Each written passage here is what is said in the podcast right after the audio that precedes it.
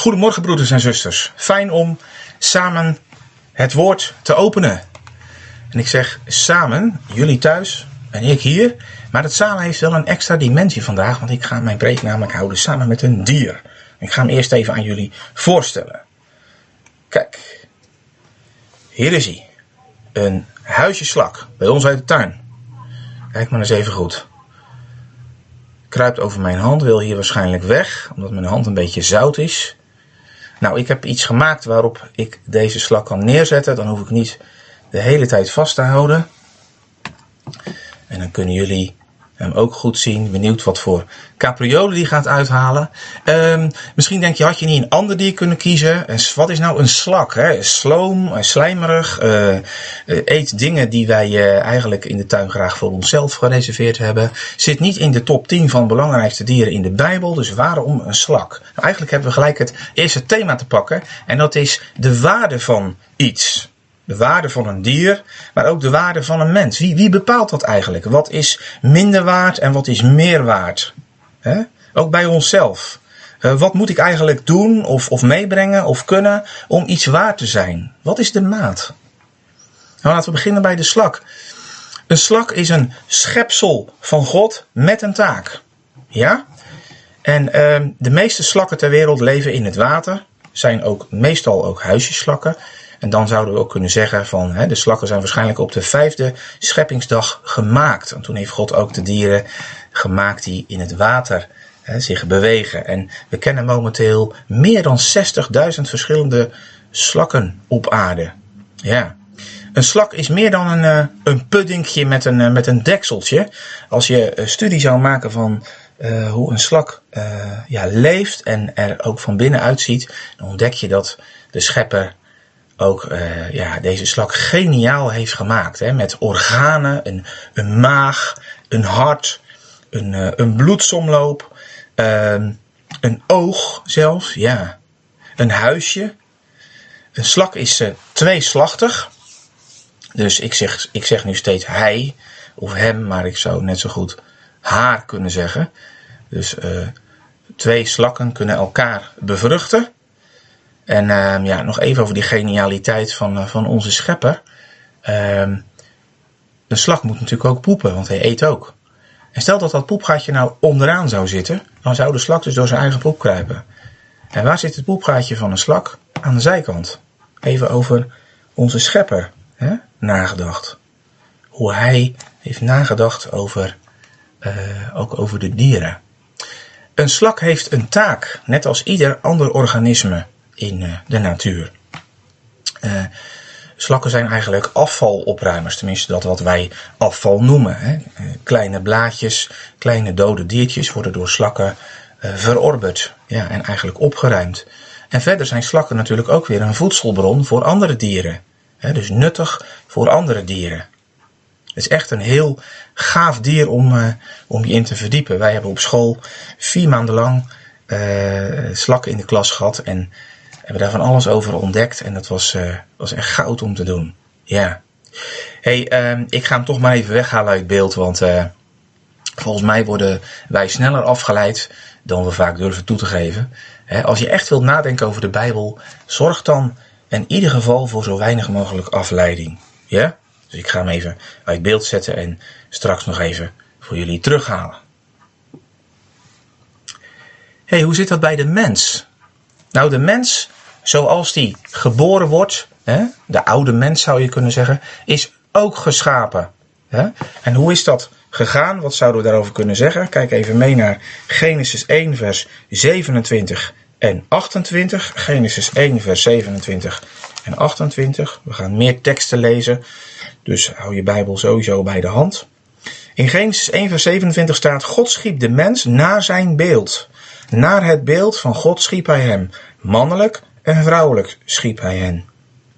En God zegende hen en God zei tegen hen, wees vruchtbaar, word talrijk, vervul de aarde en onderwerp haar. En heers over de vissen van de zee, over de vogels in de lucht en over alle dieren die over de aarde kruipen.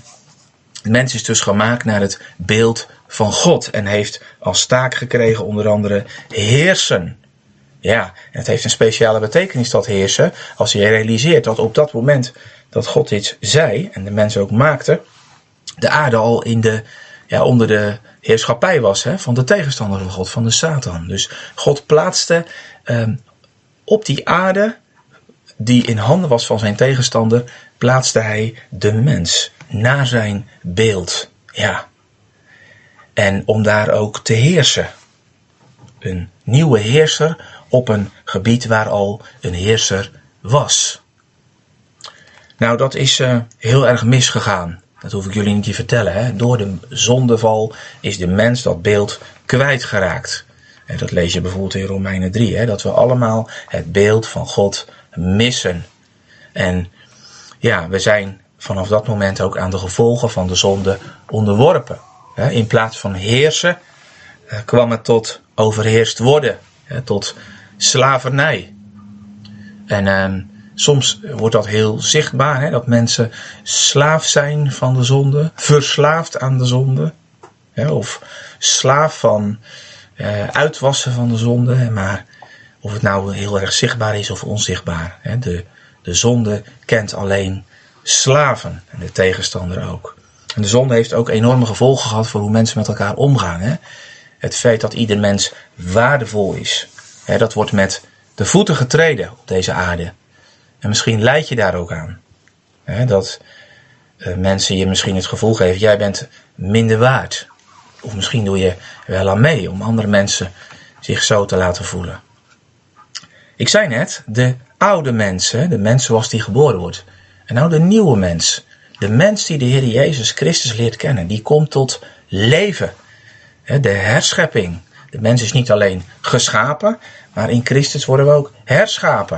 En dan word je eigenlijk voor de tweede keer ja, op de rit gezet, zou je kunnen zeggen. Je wordt een nieuw schepsel. Je kent vast die prachtige tekst uit 2 Korinthe 5. Wie in Christus is, is een nieuw schepsel. Hè? Het oude is voorbij gegaan, het is nieuw geworden. Ja. En die nieuwe mens, die wordt weer veranderd naar het beeld van God. Komt weer terug. Laten we kijken in Colossense. Colossense 3.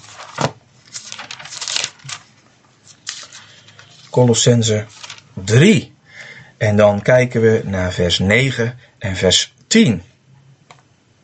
Colossense 3, vers 9. Daar staat: Lig niet tegen elkaar, aangezien u de oude mens met zijn daden uitgetrokken hebt en u met de nieuwe mens bekleed hebt, die vernieuwd wordt tot kennis, overeenkomstig het beeld van hem die hem geschapen heeft. Ja, de nieuwe mens wordt weer vernieuwd naar het beeld van God, naar het beeld van Christus. we blijven niet en we zijn niet meer en we blijven niet meer hoe we waren in Christus.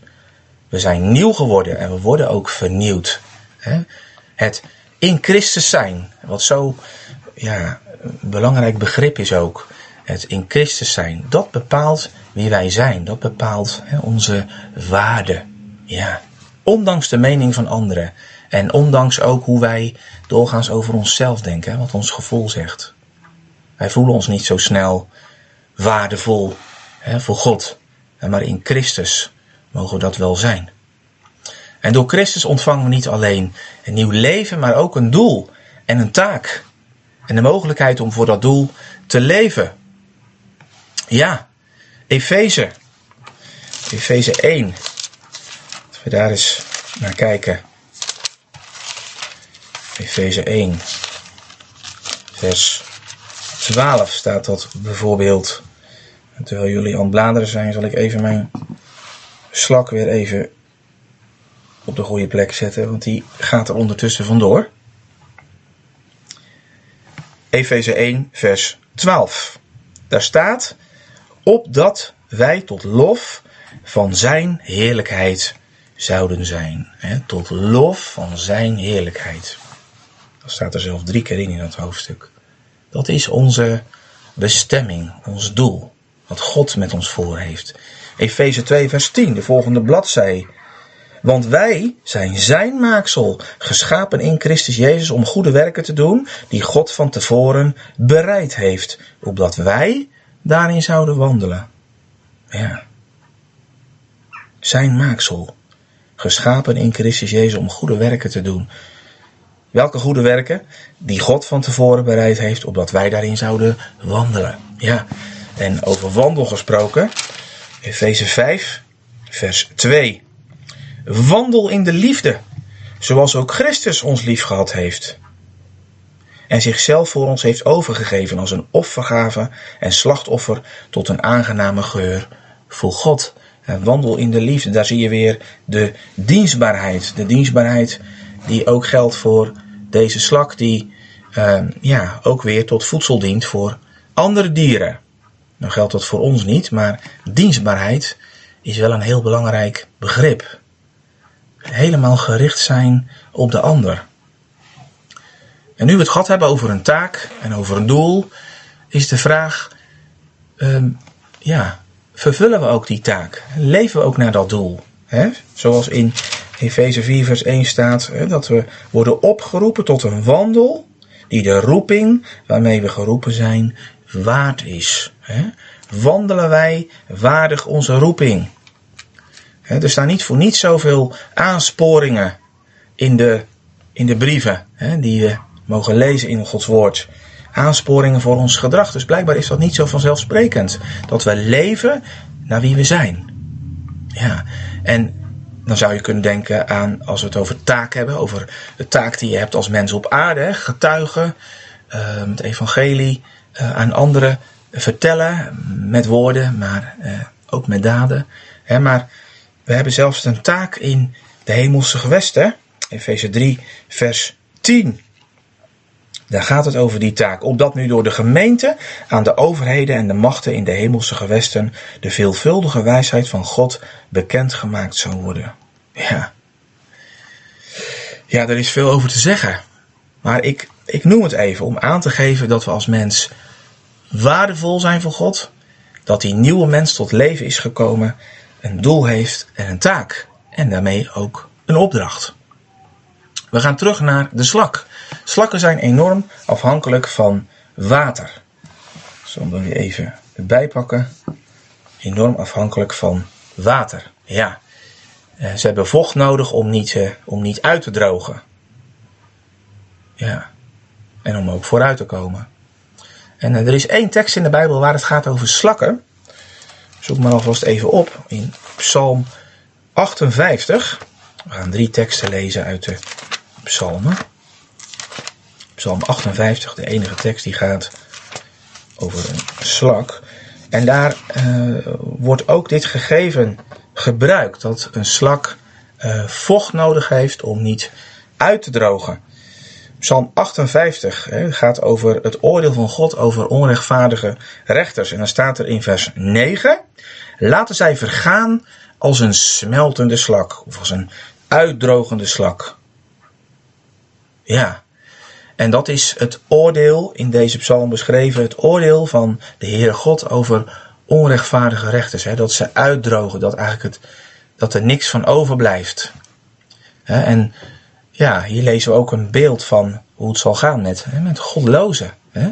Die zullen vergaan en hun werken zullen ook ja, verdampen, uitdrogen. Hoe imposant ze ook kunnen lijken voor ons.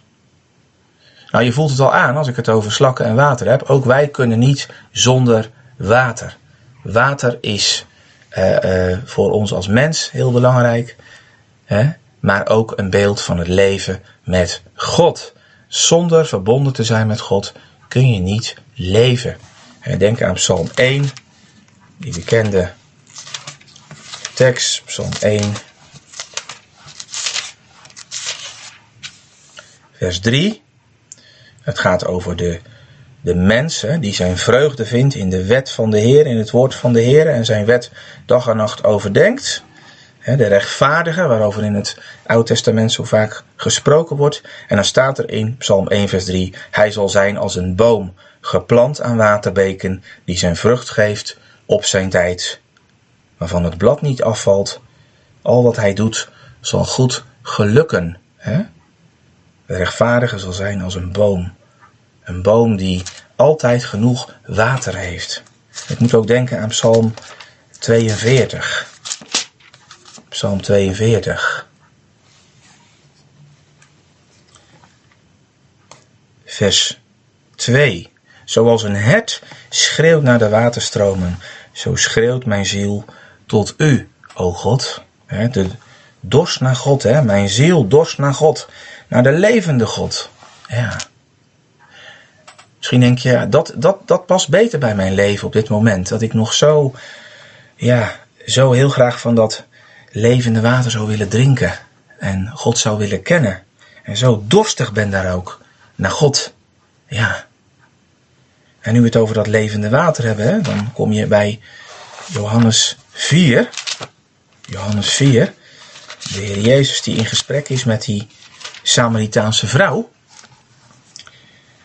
En um, in Johannes 4, vers 13 staat dan dat de Heer Jezus tegen haar zegt: Ieder die van dit water drinkt, dus het water wat daar in de put beneden is, zal weer dorst krijgen. Maar wie drinkt van het water dat ik hem zal geven, zal in eeuwigheid geen dorst meer krijgen.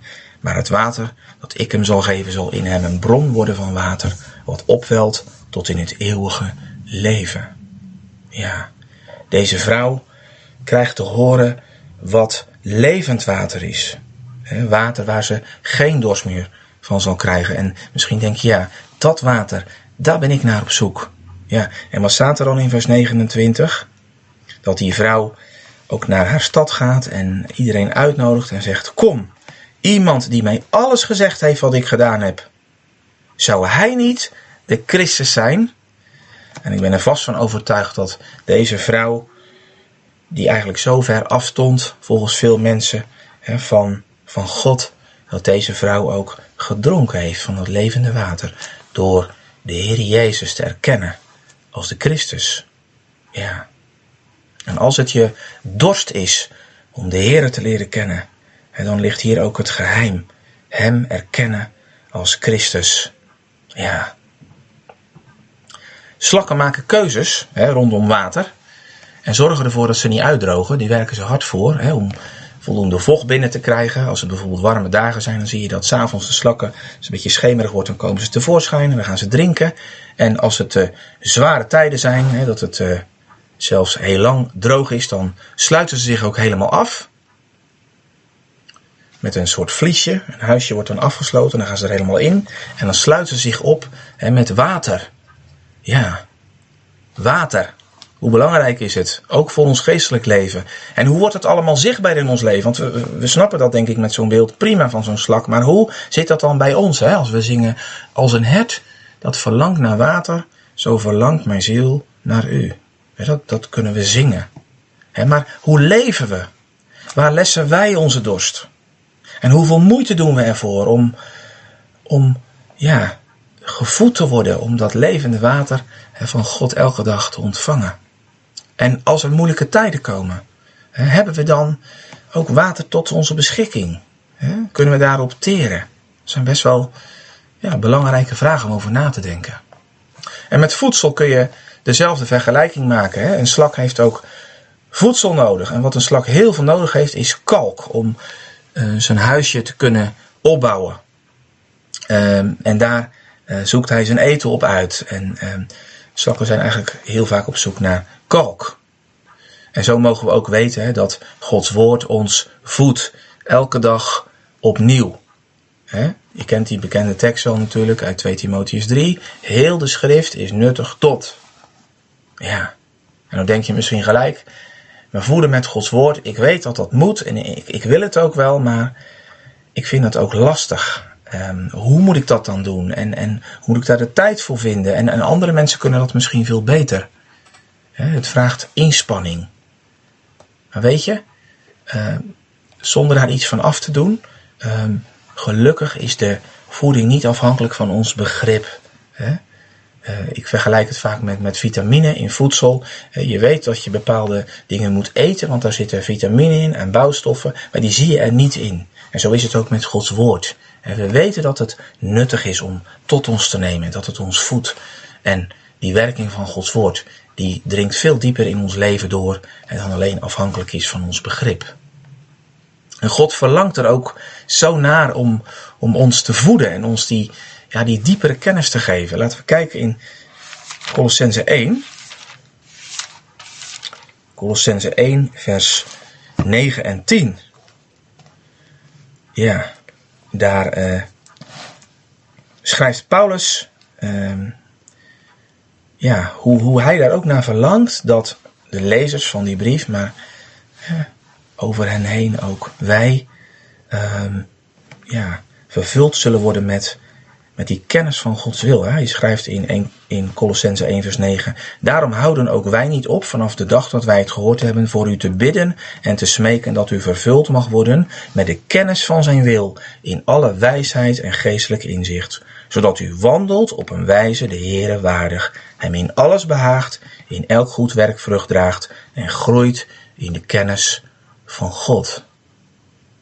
Daar verlangt Paulus naar en daar verlangt ook de Heer naar. En ja, de vraag is ook of wij dit in gebed brengen. Voor onszelf, hè, maar ook voor elkaar. Ja, de Heer zal zeker doen wat Hij hier ook belooft. Als we daar ook naar verlangen.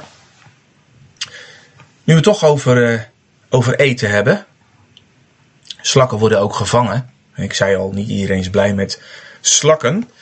En uh, dat doe je door uh, ja, te appelleren op, op iets wat ze lekker vinden. Hè? Een, een, soort val, een slakkenval met, uh, met lekker fruit erin. Of uh, zelfs bier, dat schijnt ook heel goed te werken. Ehm, en daar moest ik aan denken. Hè? Dus door iets te doen waar die slak intrapt, wordt die verleid. En zo hebben we ook, wij ook hè, binnen de gemeente te maken met verleiding. Ja. En dan denk je misschien gelijk aan zonde dat je verleid wordt tot zonde, maar het gaat verder. Um, je kan ook denken aan, aan dwaling. Daar waarschuwt Paulus ons best vaak tegen. Onder andere in Colossense 2, vers 8. Colossense 2, vers 8. Colossensebrief is onder andere ook geschreven om christenen uh, te waarschuwen voor de verleiding van dwaling. Wat staat er in Colossense 2 vers 8? Pas op dat niemand u als buit meesleept door de filosofie en inhoudsloze verleiding volgens de overlevering van de mensen, volgens de grondbeginselen van de wereld, maar niet volgens Christus. Dwaling. En dwaling, ja, dat appelleert ook bij ons aan iets. En dat appelleert aan de behoefte om iets te willen doen. Ook als we de Heer mogen kennen, dan ben je daar vatbaar voor om weer iets te willen doen. Om je te weer, weer te willen inspannen om dan maar weer, daar maar weer iets mee te bereiken. En uh, zo gaat dat in deze wereld. En zo gaat dat bij ja, hoe mensen het gewend zijn. Dat wordt eigenlijk beschreven. En volgens allerlei theorieën die er zijn onder de mensen. Maar het geheim wat in de Colossensebrief steeds wordt uitgelegd is, eh, laat je niet verleiden. En hoe, hoe gebeurt dat dat je niet verleid wordt? Blijf in Christus. Hè? Want in Hem heb je alles al. Ja. Ja. Deze slak die gaat uh, straks weer de tuin in. Er zijn heel veel slakken geweest die, uh, ja, die, we, uh, die we wel pechslakken zouden kunnen noemen. Slakken die hun leven hebben moeten laten voor mensen. Er zijn namelijk slakken op aarde. Ehm, daar wordt purper uitgewonnen. Purper. Een, klein vloeistof, een klein beetje vloeistof. Ergens uit een orgaan. En als je daar heel veel van hebt. Hè, um, 1 gram zuivere kleurstof. Daar maak je dan 1 pond uh, purperverf mee. Maar daar moeten 7000 slakken voor sterven. 7000 slakken voor 1 gram zuivere kleurstof, zuivere purper. Ja? En daarnaast, uh, want het ging om zeeslakken, daarnaast stierven daar ook veel mensen aan. Duikers die zoveel mogelijk slakken uh, boven wilden halen en dan in ademnood kwamen bijvoorbeeld. dus um, rondom de purperproductie zijn ontzettend veel slakken doodgegaan. Ja. En als je dan stof had die geverfd was met purper, en dat was dus ook enorm duur en kon alleen maar gekocht worden door mensen die ook veel geld hadden. Um, nou, in de Bijbel kom je ook uh, purper tegen. Uh, rood purper en blauw purper. Dus allebei van een eigen uh, soort slak.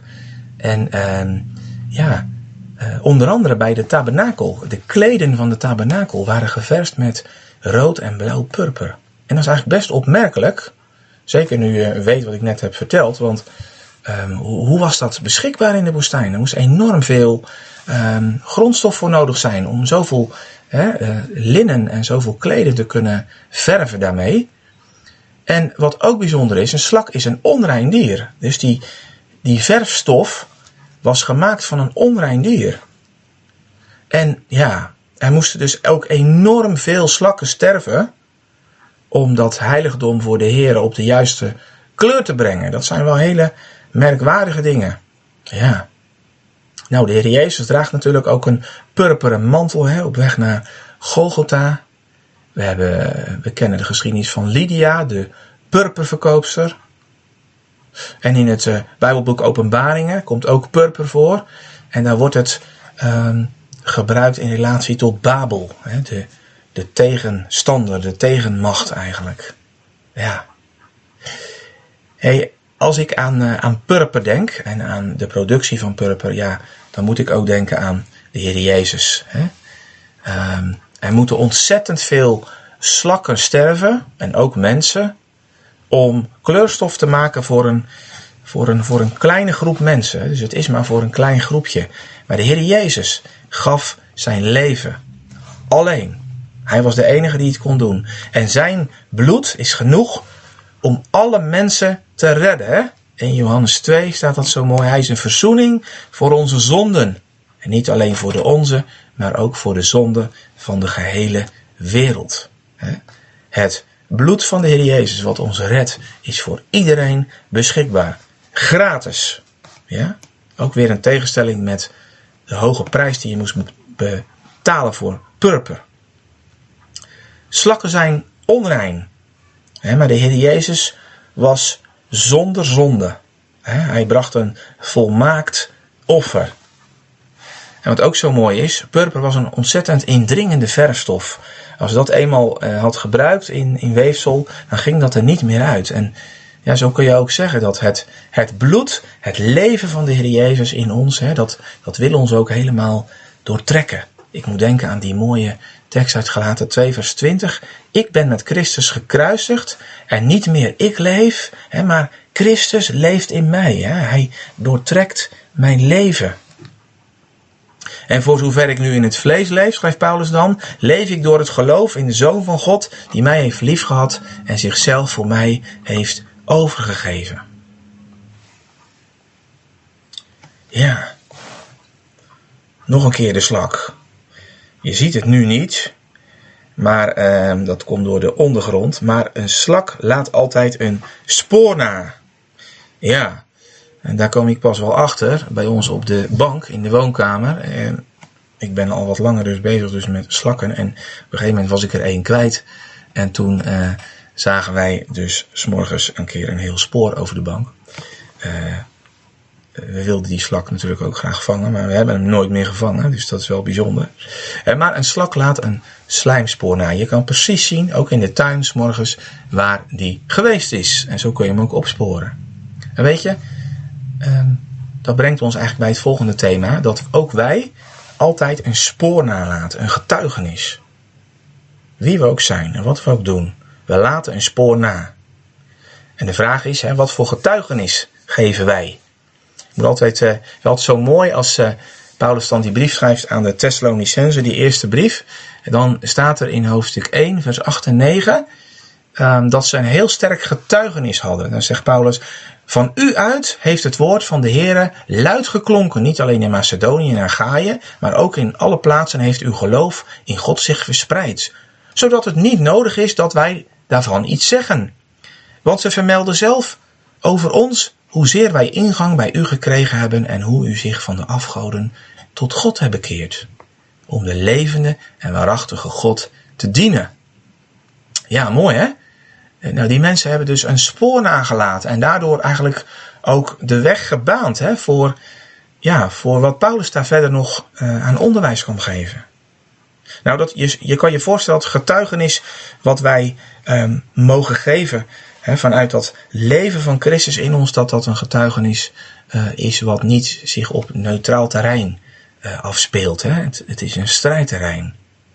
Filippenzen 2, vers 14 en 15, daar staat: Doe alle dingen zonder morren en meningsverschillen, opdat u onberispelijk en oprecht zult zijn. Kinderen van God, smetteloos, te midden van een verkeerd en ontaard geslacht, waaronder u schijnt als licht in de wereld. Ja, misschien denk je nou, dat, daar twijfel ik altijd aan of dat eigenlijk wel kan. Wat, wat is ons getuigenis in deze wereld? Is het een druppel op de gloeiende plaat? Maar als we Gods woord geloven en voor waar houden, dan kan dat. En wat is het geheim van dat getuigenis wat wij ook mogen geven aan mensen om ons heen? En in de schepping van God, hè, dat is niet onze actie, niet onze inspanning of onze discipline, hè, maar dat is zijn leven in ons. Ja, die slak die gaat er toch echt steeds vandoor. Ja, dan wil ik net zeggen, wat is die traag hè? Dan valt het met deze wel mee, die wil heel graag weg. Maar wat is een slak over het algemeen traag? We hebben het in onze klas getest en de slakken die wij hadden, die gingen ehm, tussen de 7 en de 8 meter per uur. Ja? En uh, slakken staan een beetje natuurlijk symbool voor traagheid. De, slagen, de trage slak. en dan zeker in vergelijking tot, tot, ons, de, de snelle mens die graag alles snel beschikbaar wil hebben. We willen snel resultaat, we willen ja, snelheid. En als iets langzaam gaat, dan irriteert ons dat doorgaans. Zomaar een vreemde gedachte hoor. Ik weet niet of jullie die ook hebben, maar ik eh, had hem wel. Um, misschien irriteert God ons ook wel eens. Of ja, zouden we dat misschien niet zo durven zeggen. Maar dat we denken van, Heere God, kan het niet een beetje sneller? Kunt u niet misschien... Ik heb het al zo vaak gevraagd. Kunt u niet wat sneller handelen? Er is één tekst in de Bijbel waar we lezen over traagheid hè, in combinatie met de Heere. Tenminste, dat wat mensen daarvan zeggen. 2 Petrus 3, vers 9.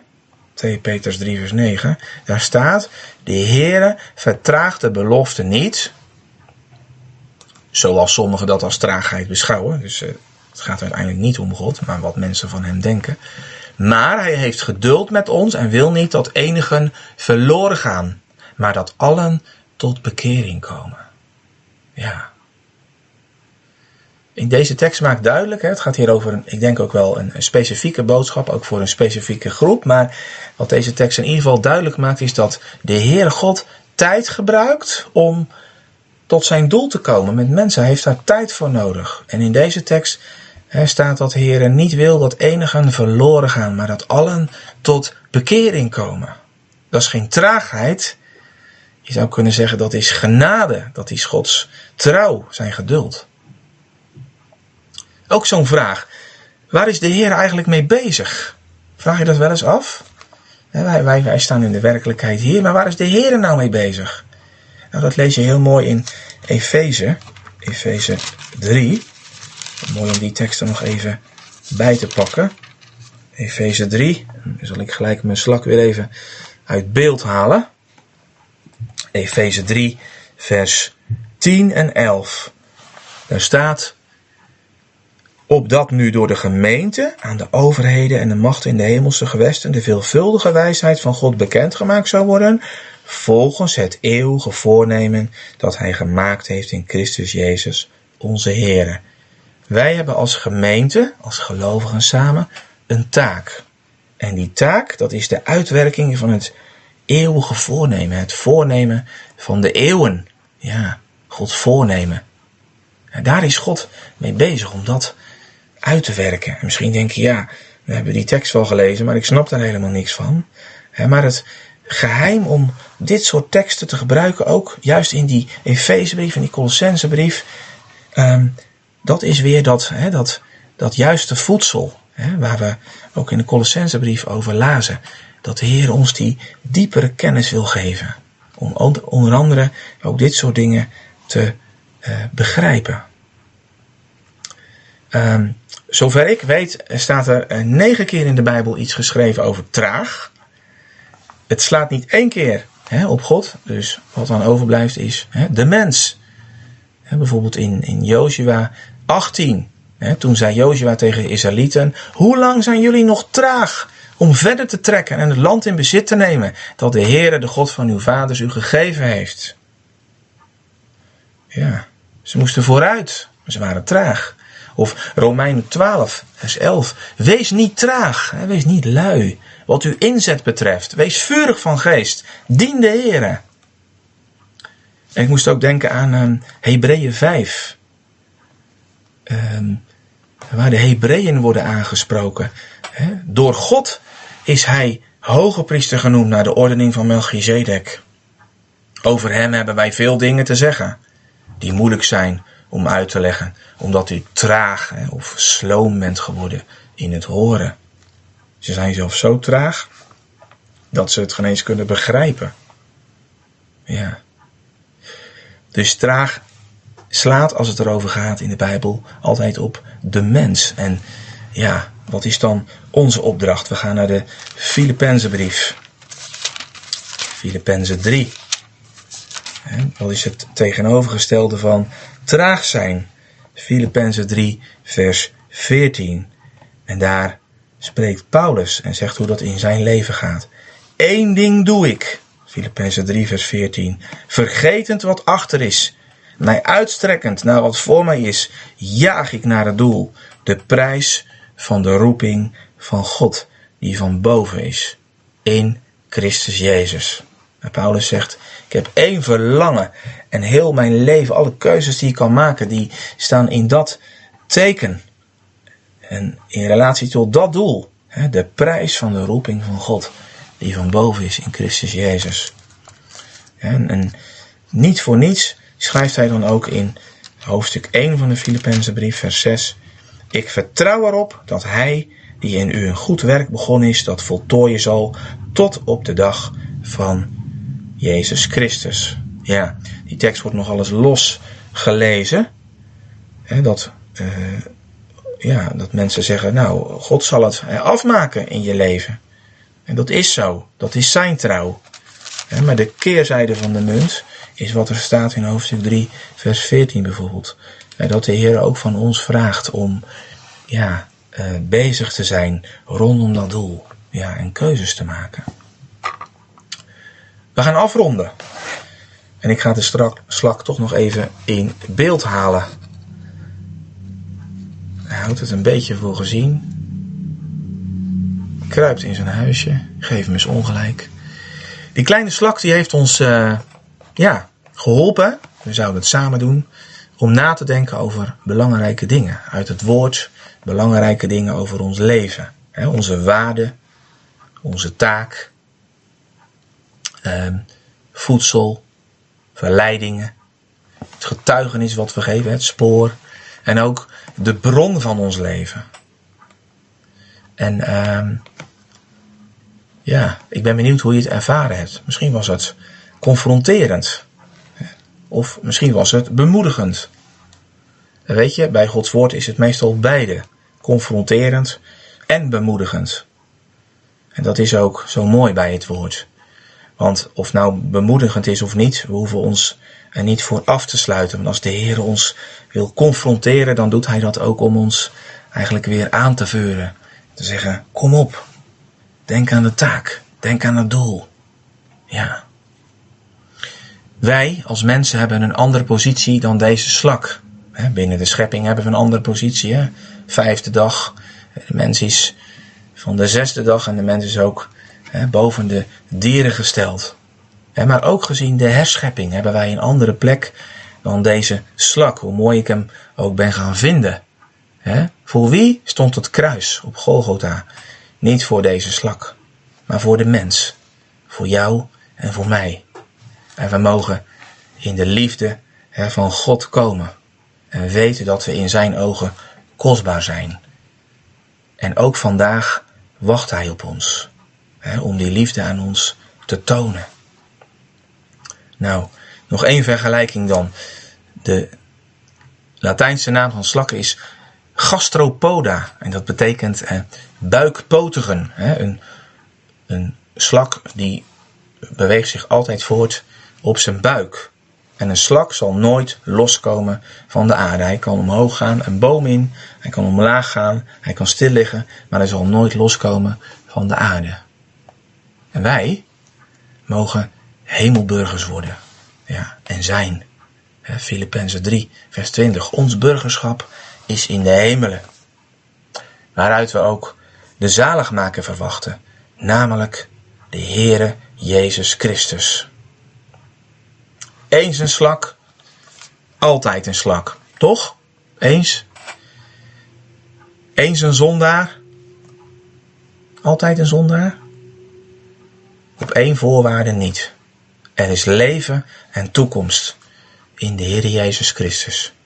Ook vandaag. Voor jou en voor mij. Als je het nou leuk vindt om hier eens met kinderen over na te denken op een veel meer laagdrempelige manier dan ik het nu heb gebracht in deze preek, dan uh, kun je een doos bij me lenen. Die gaat helemaal over slakken. En er zitten ook uh, ja, gespreksonderwerpjes in. Maar ook allerlei opdrachtjes om lekker te verkennen aan gewone slakken in de tuin. Ehm, dus dan ben je uitgenodigd om die bij me te lenen. Zullen we samen danken? Vader in de hemel, dank u wel dat we na mochten denken over uw woord. En dat op een bijzondere manier, aan de hand van een slak, een van de dieren die u gemaakt hebt. Heer, en zoals alles in de natuur ademt van het feit dat u de schepper bent. En ja, er zulke prachtige beelden ook in de natuur eh, zijn om eh, voor ons om na te denken over uw woord. Zo is dat ook bij de slak het geval. We danken u daarvoor, heren. Um, we hebben best wel um, ja, belangrijke dingen met elkaar uh, overdacht.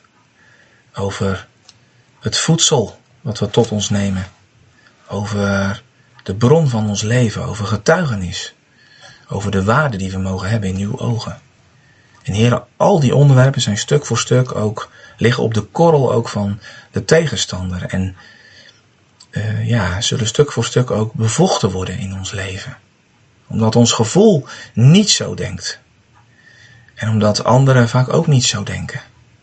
Heer, en daar bid ik om dat uw waarheid, uw woord in ons leven, in ons denken, een ja, vaste plek zal krijgen. En dat u ons ook vult, Heer, met die diepere kennis, waardoor we nog meer gaan zien hoe machtig mooi u het uh, ja, gemaakt heeft, dat nieuwe leven. En wat een geweldig uh, plan het ook is waarmee u bezig bent. Heren, wij willen uw naam loven en prijzen voor wie u bent en wie u blijft. Heer, op u kunnen we aan. U bent te vertrouwen. U bent zelf de waarheid. Geprezen zij uw naam. Amen.